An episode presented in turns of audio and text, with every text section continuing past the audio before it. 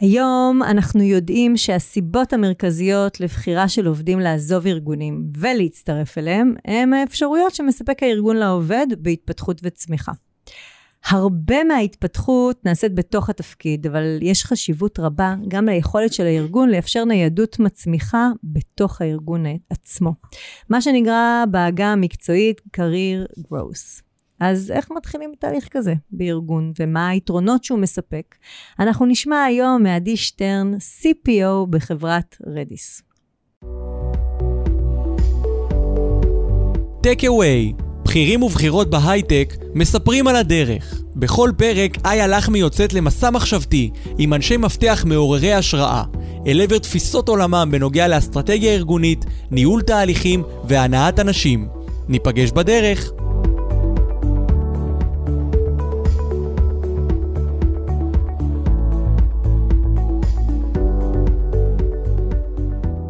עדי, איזה כיף שהצטרפת אליי היום, לאולפן הזה. והיום אנחנו נדבר על אחד הנושאים שמרתקים ארגונים וגורמים להם אה, אה, גם אה, להסתובב סביב עצמם בבהלה. אה, הסיפור הזה של התפתחות וצמיחה ואיך עושים אותה בתוך ארגונים. ומאחר ואת אה, ניהלת והובלת, אה, מובילה עדיין, תהליך שכזה שברדיס, אה, אני אשמח לשמוע ממך במהלך הפרק הזה. אה, איך התהליך הזה נראה, מה עשיתם, על מה זה משפיע ועוד כל מיני דברים. אבל לפני זה, אני אשמח שתספרי לנו אה, על הדרך המקצועית שלך עד שהגעת להיות Chief People Officer ברדיס. תודה רבה שהזמנת אותי, ובשמחה אני ככה אשתף את המסלול שלי. אני התחלתי בתחום בגיל די צעיר, וממש ממש במקרה, בגיל 15, אחותי עבדה בחברת השמה, והזמינה אותי לעבוד שם אה, תפקיד של הקלדת נתונים, שליחת קורות חיים, ונחשפתי לתחום. ממש ממש אהבתי אותו, אז אחרי שירות ובמקביל ללימודים, בעצם התחלתי לעבוד אה, בחברות השמה אה, מספר שנים, אחר כך יצאתי החוצה לעבוד בארגונים, גם ארגונים קטנים, גם ארגונים גדולים, כולם טכנולוגיים, חברות ציבוריות, חברות פרטיות. ובחברת פריים סנס נחשפתי בעצם לעולם הזה של HR. קודם לכן עשיתי ניהול גיוס, מאוד מאוד אהבתי את כל הנושא של פיתוח ארגוני. אה, קפיצה של כמה שנים קדימה, עבדתי ב-corporate גדול, ודגדג לי, היה לי איזשהו רצון פנימי לחזור לחברה קטנה יותר, לתפקיד שהוא רחב יותר, בעל השפעה. החוזק שלי והמשיכה שלי זה לעולמות של hyper growth companies, בעצם לעזור לחברות לצמוח.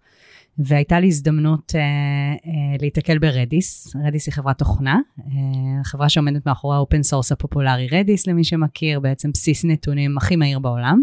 Mm. אה, טכנולוגיה מרתקת, ונפגשתי עם עופר בן גל, המנכ"ל, שמאוד מאוד האמין בי, אה, התווה לי את הדרך.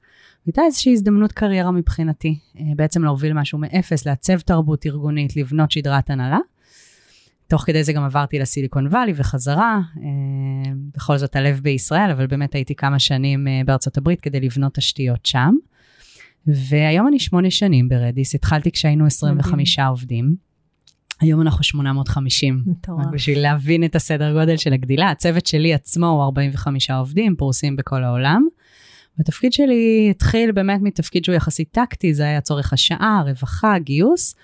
ועם השנים הפך לתפקיד מאוד מאוד אסטרטגי, גלובלי, אני חברת הנהלה היום, אה, ובאמת ככה דרך מאוד משמעותית שם. ולמעשה המנכ"ל של הארגון שלך, אה, ה-Chief אה, People Officer של ארגון ה-HR, 45 עובדים, זה די מטורף, ואני רוצה רגע לנעוץ איזושהי מילה קטנה שאמרת בהצגה שלך, ואני חושבת שזה קצת הקדימון בעצם לתהליך כולו. אמרת, אה, עופר נתן לי הזדמנות קריירה, ואני חושבת שהזדמנות קריירה זה מה שאת מנסה לעשות בתהליך הזה, ומה שאת מצליחה מאוד לעשות בתהליך שאת מובילה, מובילים, למען האמת, ברדיס. אז בואי רגע נצלול לתוך התהליך ותספרי לנו קצת מה אתם עשיתם אה, בהיבט של אה, פיתוח עובדים בתוך הארגון?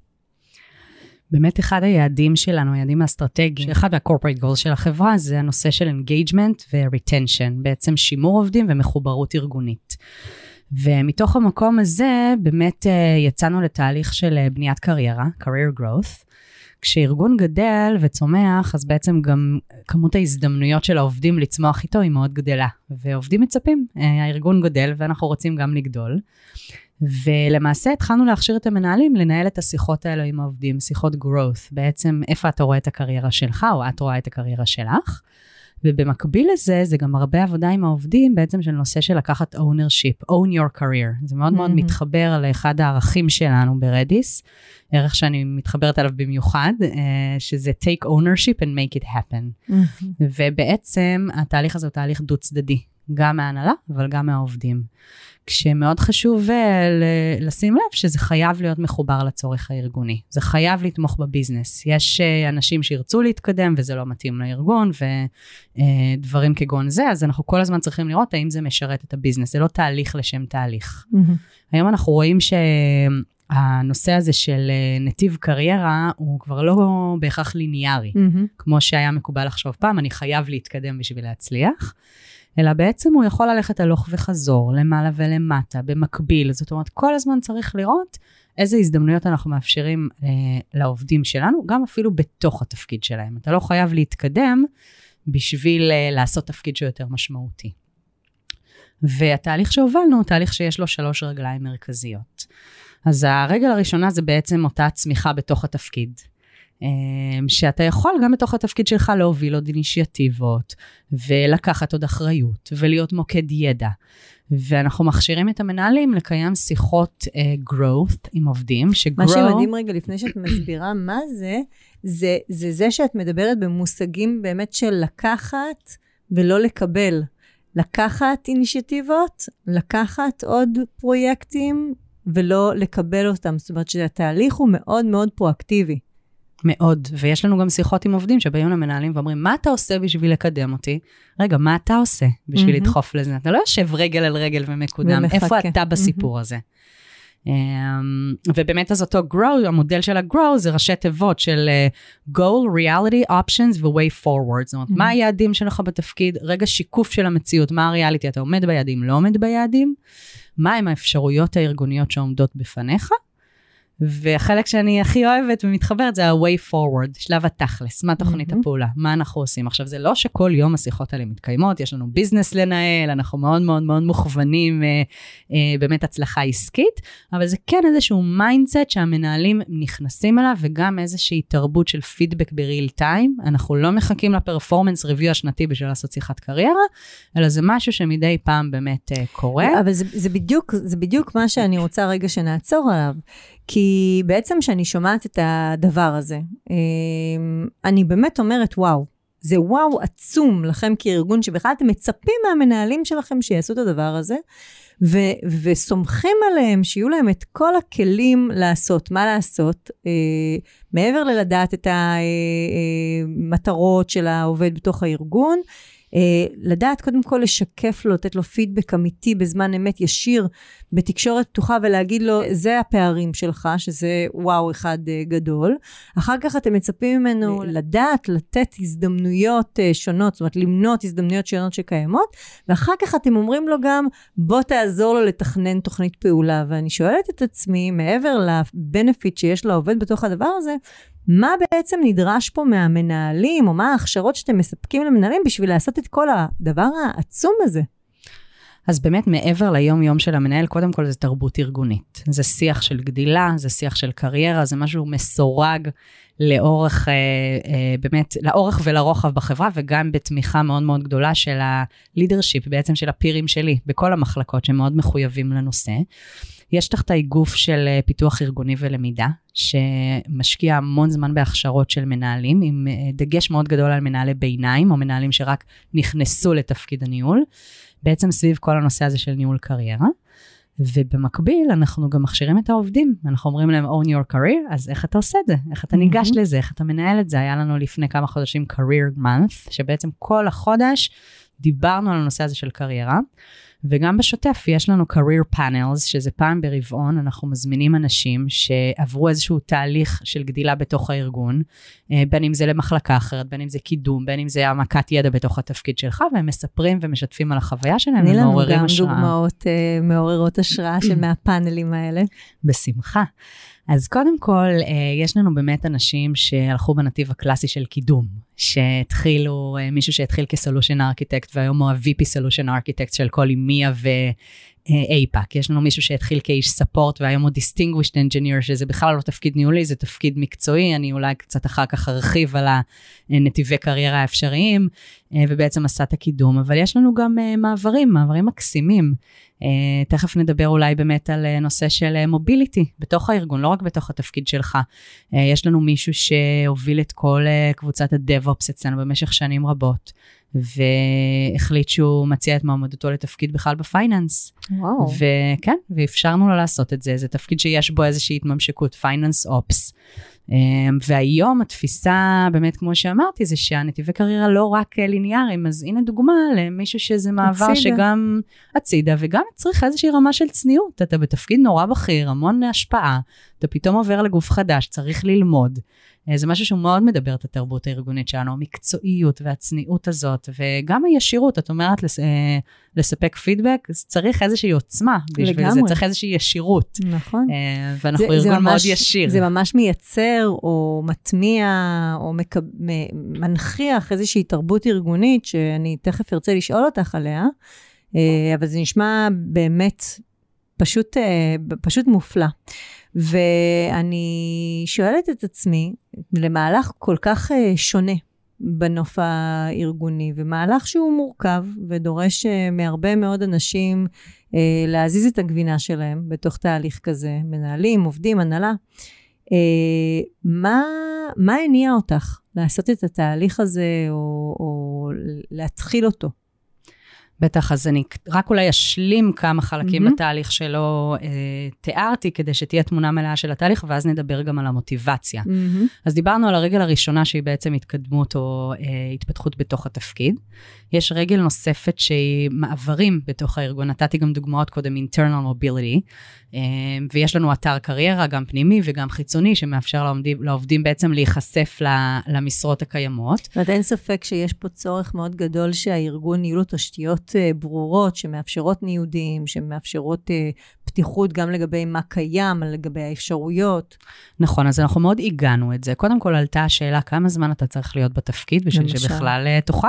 נכון. יש תפקידים שלוקח חצי שנה רק להיכנס אליהם, ושוב אני חוזרת למקום הזה של צורך ארגוני, וצריך בסוף שזה ישרת את הביזנס. אה, והגדרנו באמת איזשהו מנגנון אה, לנהל את זה, וגם הגדרנו מנגנון של שקיפות, שבעצם עובד או עובדת יכולים בכל שלב להתעניין בתפקידים בתוך החברה, אבל ברגע שהם נבחרים לראיון, ולהתחיל תהליך אה, התמיינות למשרה הזו, הם חייבים בעצם לשתף את המנהל או המנהלת שלהם, כדי שיהיה פה בעצם תהליך הוליסטי ושקוף. אז זה בהקשר של באמת אה, ניוד תוך ארגוני. ו, וגם עלה פה באמת איזשהו צורך שבסוף השוק אה, הוא שוק פתוח. ואם אנחנו לא נאפשר את, את המעבר הזה בתוך הארגון, אז אנשים יכולים גם uh, למצוא אותו מחוץ לארגון. אז היה פה איזשהו חינוך למנהלים, שלפעמים אתה מעדיף לאבד כביכול את העובד לטובת צוות אחר, אבל לשמר אותו בתוך רדיס. אז זה באמת הצלע של המוביליטי, והצלע השלישית, שנדבר גם למה הגיעה המוטיבציה אה, לקיים אותה, זה כל הנושא של אה, career framework, או leveling, אה, מה שנקרא.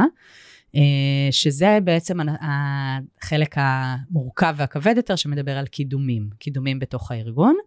וכשהתחלנו אותו, בעצם עשיתי איזשהו מיפוי של הארגון לאורך ולרוחב כדי להבין את הדברים, ובנינו מודל שהוא מודל בצורת Y, שיש לו רגל מרכזית, שהיא בעצם התפקידים אה, מ-entry level ועד senior, שאתה מתקדם בהם, ואחר כך זה מתפצל לשני נתיב קריירה מקביל, או מה שנקרא mm-hmm. dual career path, אה, שלמעשה אתה יכול להפוך אתה או את, או אה, למנהל בארגון, או יש אנשים שלא רוצים לנהל, זה לא מתאים להם, אנחנו גם לא רוצים שהם ינהלו, כי הם טובים בתהליכי עומק ובפתרון בעיות ובהתמודדות עם דברים מורכבים, ושהם לא אנשים.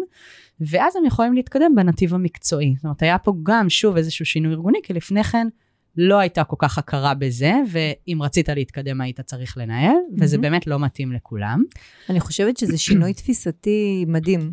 אה, שדי אני שומעת אותו כרוח התקופה מאנשים שונים אה, שאני משוחחת איתם, על הצורך אה, להיות, כמו שאת אומרת, self-contributor, אדם שיש לו הרבה מאוד מיומנויות ויכולות, אבל אין לו שום רצון לנהל, כי ניהול היום, צריך להבין, הוא מקצוע בפני עצמו. הוא לא בהכרח אה, אה, בן אדם שהוא אה, איש כספים, הוא לא בהכרח אה, מנהל. ובן אדם שהוא מנהל, הוא לא בהכרח נשאר עכשיו אה, לעסוק בניהול, בעבודת הכספים שהוא כל כך כל כך אוהב. ואנשים אומרים, אני רוצה לעסוק במקצוע שלי, ואני לא רוצה ללכת לנהל. ואני חושבת שהשינוי תפיסה הזה של אה, קידום יכול להיות באמת תזוזה.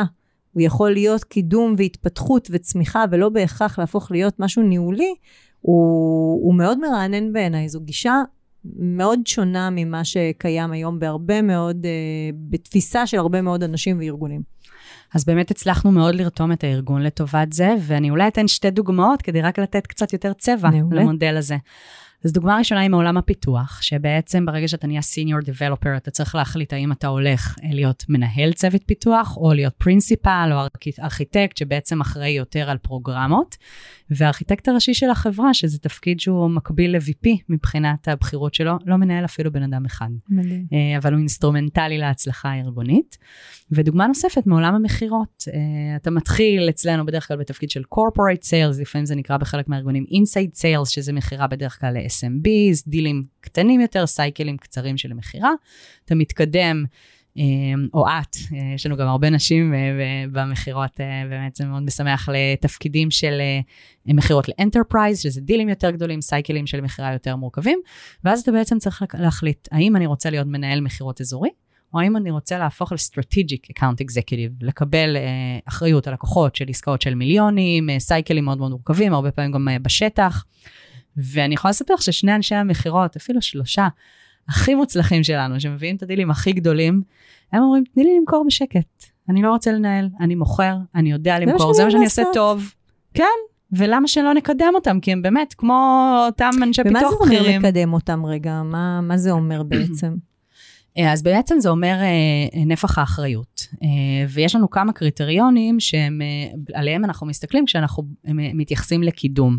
שזה בעצם מגיע ממקום של רצון להיות אחידים, שקופים לעובדים, הדברים מאוד מאוד ברורים. אתה נמדד כמו שהקולגה שלך נמדד, ויש לנו בעצם קריטריונים מוגדרים, ארבעה קריטריונים שמתבססים על המודל של רדפורד. Mm-hmm. אה, שזה הידע שנדרש לתפקיד, רמת המורכבות ופתרון הבעיות שנדרשת לתפקיד, רמת שיתוף הפעולה וכמות האינטראקציות בתפקיד, והמימד הרביעי זה השכלה ושנות ניסיון, mm-hmm. שבעיניי זה דווקא המימד הפחות משמעותי. Uh, התרבות אצלנו ברדיס, באמת העובדים מאוד צנועים, מאוד נכונים לשיתוף פעולה, ויחד עם זאת גם מאוד מאוד מקצועיים וטובים במה שהם עושים, כל אחד בתחומו. Uh, ולכן אני פחות אסתכל על כמה שנות ניסיון על הנייר יש לך, אלא מה אתה מביא איתך. אבל השאלה שלי היא קצת שונה. אני רוצה להבין לא איך אתם מקדמים, אלא מה זה אומר שקידמתם. זאת אומרת, מנהל שהוא מקודם, זה נורא נורא ברור שהוא מקודם, נכון? הוא עבר להיות ב-level ניהולי גבוה יותר. איך אדם שהוא self contributor מקודם, איך זה נראה ארגונית? אז קודם כל יש פה אלמנט של ה-title וקומפנסציה, אבל זה רגע משהו שאני שמה אה, כחלק פחות משמעותי. Mm-hmm. אה, מבחינתי זה נפח האחריות, יכולת mm-hmm. ההשפעה, כמות הממשקים, החשיפה, גם מדהים. אם זה בפורומים שונים, במתן קבלת החלטות, זה אותם באמת ארבעה קריטריונים, גם באים לידי ביטוי. בפרקטיקה של התפקיד, mm-hmm. רמת שיתוף הפעולה וכמות האינטראקציות שנדרשת מבן אדם שהוא בכיר בארגון, היא הרבה יותר גבוהה, יש לו הרבה יותר חשיפה. Mm-hmm. המורכבות של התפקיד, אמ, הקומפוננטות שאתה נדרש להתמודד איתן, הרבה יותר נדע. גבוהות ככל שאתה מתקדם. ואותם קריטריונים עוזרים לנו לדבר בשפה שהיא מאוד מאוד אחידה.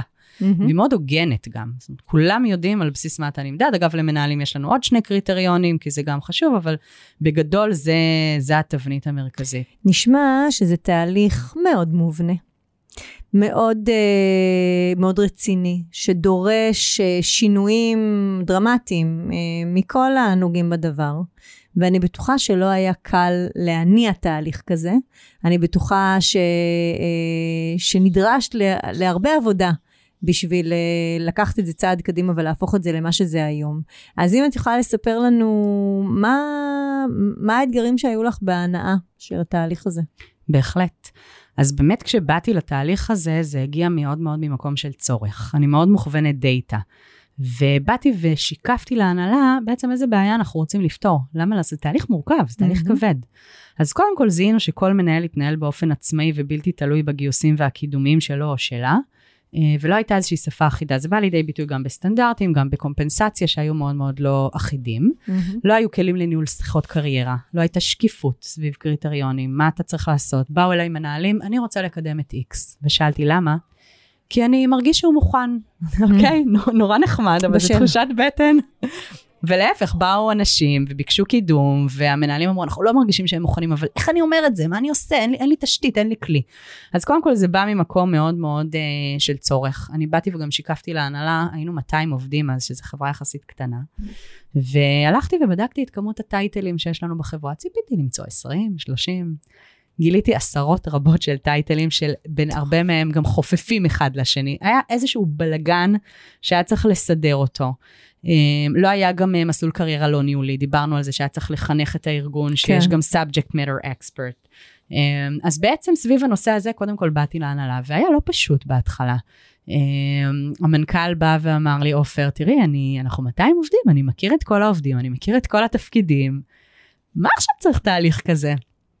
ואני באתי לזה מאוד מאוד ממקום של scale. עכשיו אתה מכיר את כולם ואנחנו hyper growth, אנחנו הולכים לגדול, אנחנו צריכים לה, לה, להכין את, את הארגון לגדילה.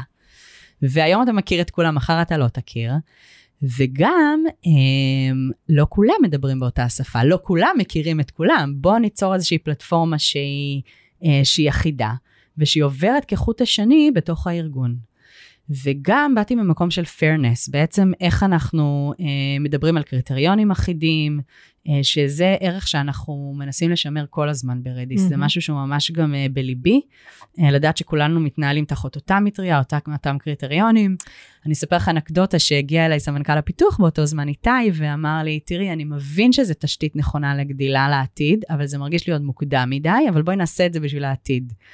ולימים הוא בא ואמר לי, העתיד הגיע מהר משחשבתי. זאת אומרת, גדלנו כל ש- כך שזה מהר. שזה מדהים, וגם על זה אני רוצה רגע שנעצור, ואני עוצרת את זה כדי שכולם ישמעו את ה... תפיסת העולם שלך באה אה, קד... בהסתכלות באמת קדימה. לא באת ואמרת, יש לי בעיה, ואני רוצה לפתור את הבעיה עכשיו. אמרת, יש לי בעיה עתידית. זאת אומרת, אני צופה קדימה באסטרטגיה של ההייפר-גרוס של החברה, אני צופה אתגר, ושם אני יודעת מה הפתרון שאני רוצה לייצר. וזה משהו בעיניי שזאת חשיבה מאוד אסטרטגית, שחשוב שאנחנו נתחיל לחשוב איך אנחנו מאמצים אותה ל, אה, ליעדים האסטרטגיים. עכשיו אנחנו רגע לקראת אה, תוכניות סוף שנה, חשוב כל הזמן להסתכל האם אני פותרת בעיות שהן של הכאן ועכשיו, או האם אני פותרת בעיות עתידיות עם כלים לעתיד, שיהיו נכונים לעתיד, לא בהכרח רק לעכשיו.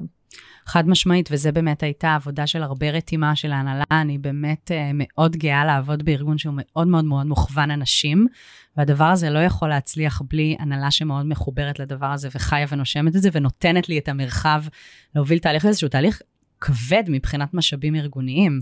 אה, אני יכולה להגיד לך שהייתה לי גם איזושהי נאיביות בנקודת זמן הזאת שהטמענו, שנוכל ליצור באמת מודל כזה שהוא שפה אחידה וקריטריונים אחידים וכולם מדברים באותה שפה. בסוף כשבאנו להוריד את זה לשטח, את יודעת, יש את ההבדל בין הרצוי כן. למצוי, הגיעו אליי עובדים ומנהלים ואמרו, תשמעי, זה מודל נורא יפה, אבל מה אני עושה עם זה ביום-יום? אה, רגע, איך אני מתרגם את זה לשפה שהיא מדברת אליי? אני מנהל מוצר, מה אני עושה כדי להתקדם לתפקיד הבא? זה נורא כללי. ואז באמת באנו כשלב ב' ולקחנו את זה עם ה-HR Business Partners המדהימים, המדהימות שעובדים איתי, אה, ובנינו מיני מודלים, מיני מודל עבור כל מחלקה, שהם ממש משתמשים בזה ככלי עבודה, שזה מדבר את השפה שלהם, זה כמובן תחת אותה מטריה שדיברנו, אותם קריטריוני על, אבל זה כן לוקח ועושה את זה, הופך את זה ליותר קונקרטי. אה, אפשרנו גם גמישות מסוימת ב-title-ים, בעיניי HR כל הזמן צריך להתקדם, זה, אה, זה תפקיד שהוא צריך להיות גמיש.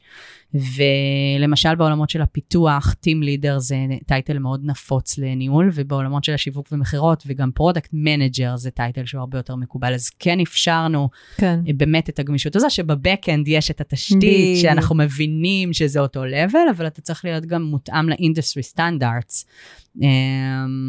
של נכון, הדבר הזה. נכון, וגם לראות, נכון, לאפשר איזושהי חיות בתוך ה... אה, בתוך המודל. אז אני רוצה לשאול אותך בדיוק uh, מתוך הדוגמה שנתת על היכולת של הארגון להיות גם גמיש בהטמעה של הדבר הזה, מה האיכויות בתוך הארגון שאפשרו לתהליך כל כך מורכב להתקיים? אז אני אקח רגע צעד אחורה ואני אספר uh, מהי תפיסת ה-HR שלי, mm-hmm. כדי uh, להבין איך HR באמת יכול לפעול. שאני מניחה שהיא מאוד לפעול. משפיעה uh, על איך התהליך הזה בעצם נבנה. נכון, uh, כן, כי אנחנו בעצם יצרנו אותו, אבל זה כמובן עבודה מאוד מאוד שוטפת עם הנהלה. והתפיסה שלי ל-HR היא מאוד מאוד פרואקטיבית. זאת אומרת, חיבור מאוד עמוק לביזנס, הבנה של הצורך הארגוני. אנחנו לא רוצים לדחוף תהליכים איפה ש... שאין צורך ארגוני, mm-hmm. איפה שלא צריך. וה-HR מבחינתי, באמת התפקיד של משאבי האנוש, היום נקרא people, זה בעצם גשר, זה תפקיד שמגשר בין העובדים לבין ההנהלה. כשאנחנו יכולים למעשה לחוש את השטח ולזקק ולשקף להנהלה של החברה מה קורה עם העובדים, שזה המשאב היקר ביותר שלנו ויש הבנה ארגונית של זה, ומצד שני, לשקף לדרג הנהלה אה, אה, של דרג ראשון ולעובדים את האסטרטגיה הניהולית, אה, בעצם איפה אנחנו רוצים להיות כחברה. אז קודם כל, רגע ככה כבייס, זה בכלל התפיסה שלי של תפקיד ה-HR, וכדי לייצר תהליך כזה שהוא באמת טוב, הוא צריך לתת ערך גם לארגון וגם לעובדים. בעצם, what's in it for me, שזה העבודה שלנו, כל הזמן לדלבר את המסר הזה. אה, עם הנהלה שהיא באמת מדהימה ומאוד מאוד מאוד people centric, אה, כי HR לא יכול לעשות את זה לבד.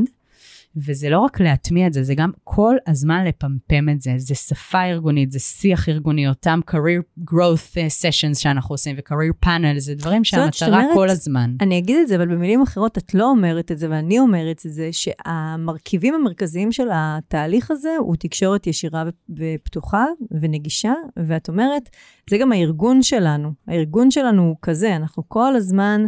אה, מדברים על הדברים, בוחנים אותם, וגם התהליך הוא כזה, זאת אומרת, זה, אז זה אחד על אחד, זה יכול להתקיים ביחד.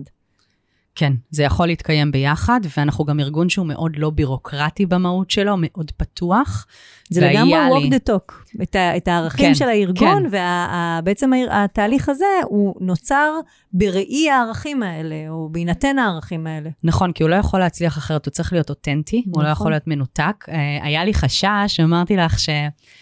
שזה יהפוך להיות כל כך בירוקרטי, שאנשים במסדרונות ו- ובפינת קפה יגידו, מה ה-level שלך, מה הטייטל שלך, למה אתה ככה ואני ככה, וזה בכלל לא המהות.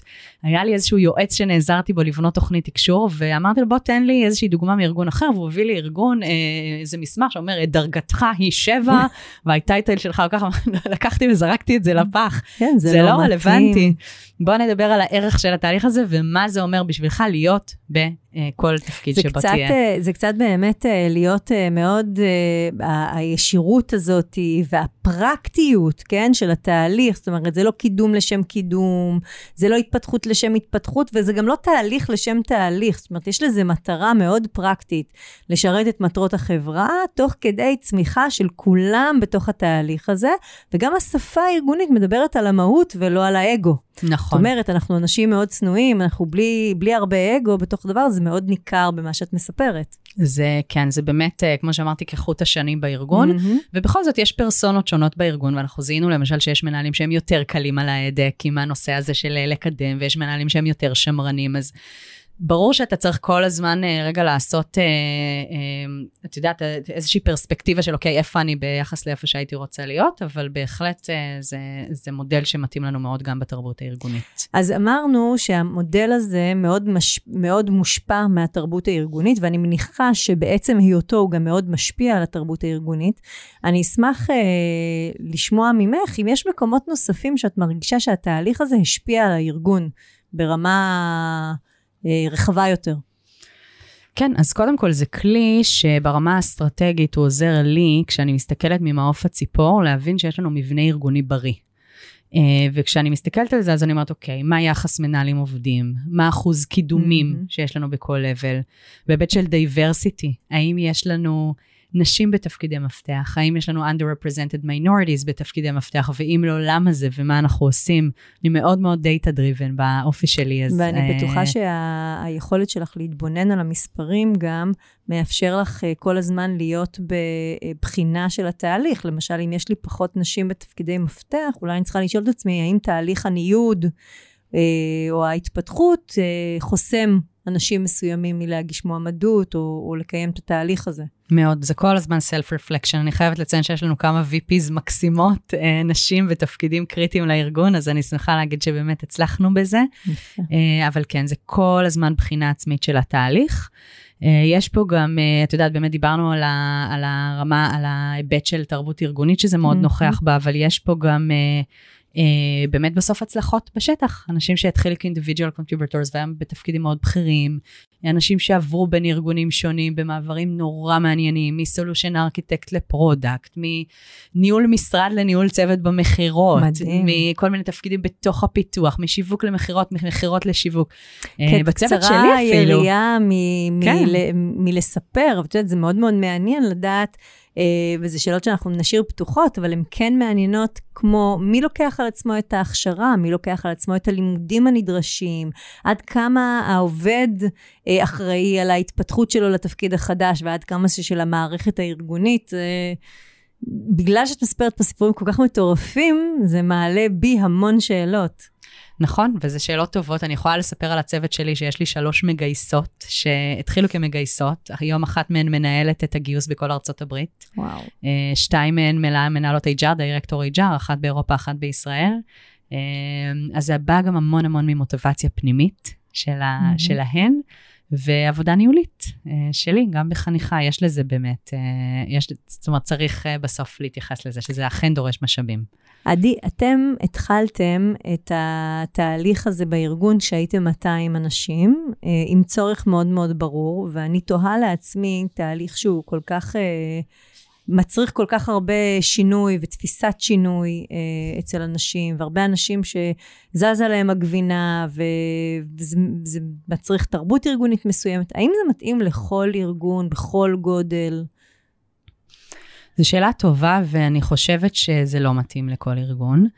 אה, קודם כל, בשביל באמת שזה יצליח, כמו שאמרתי, צריך רתימה של ההנהלה וצריך לזקק את הצורך. Mm-hmm. אצלנו זה הגיע ממקום של, כמו שאמרתי, גדילה, אז התכוננות לעתיד, יצירת איזושהי סקיילביליות ותשתית, זאת אומרת, זיהינו שאנחנו הולכים לגדול, הרגשנו שאנחנו צריכים אליימנט, שפה אחידה וקריטריונים, זה פגש אותנו גם במקומות של הגיוס. Mm-hmm. הטאלנט היום רוצה לבוא ולראות שיש הזדמנויות קריירה, הם שואלים על זה כבר בתהליך הראיונות, ובגלל שהיינו בגדילה מאוד מואצת, אז גם היו לנו המון גיוסים, והרגשנו שצריך את זה. גם בהיבט של שכר והטבות, כשאתה גדל, אז uh, אתה רוצה להשוות את עצמך לבנצ'מרקים, לראות שאתה תחרותי. אה, זיהינו שיש גם צורך אצל העובדים בזה, וזה עוזר, עוזר במחוברות ארגונית, בנושא של שביעות רצון, אמון.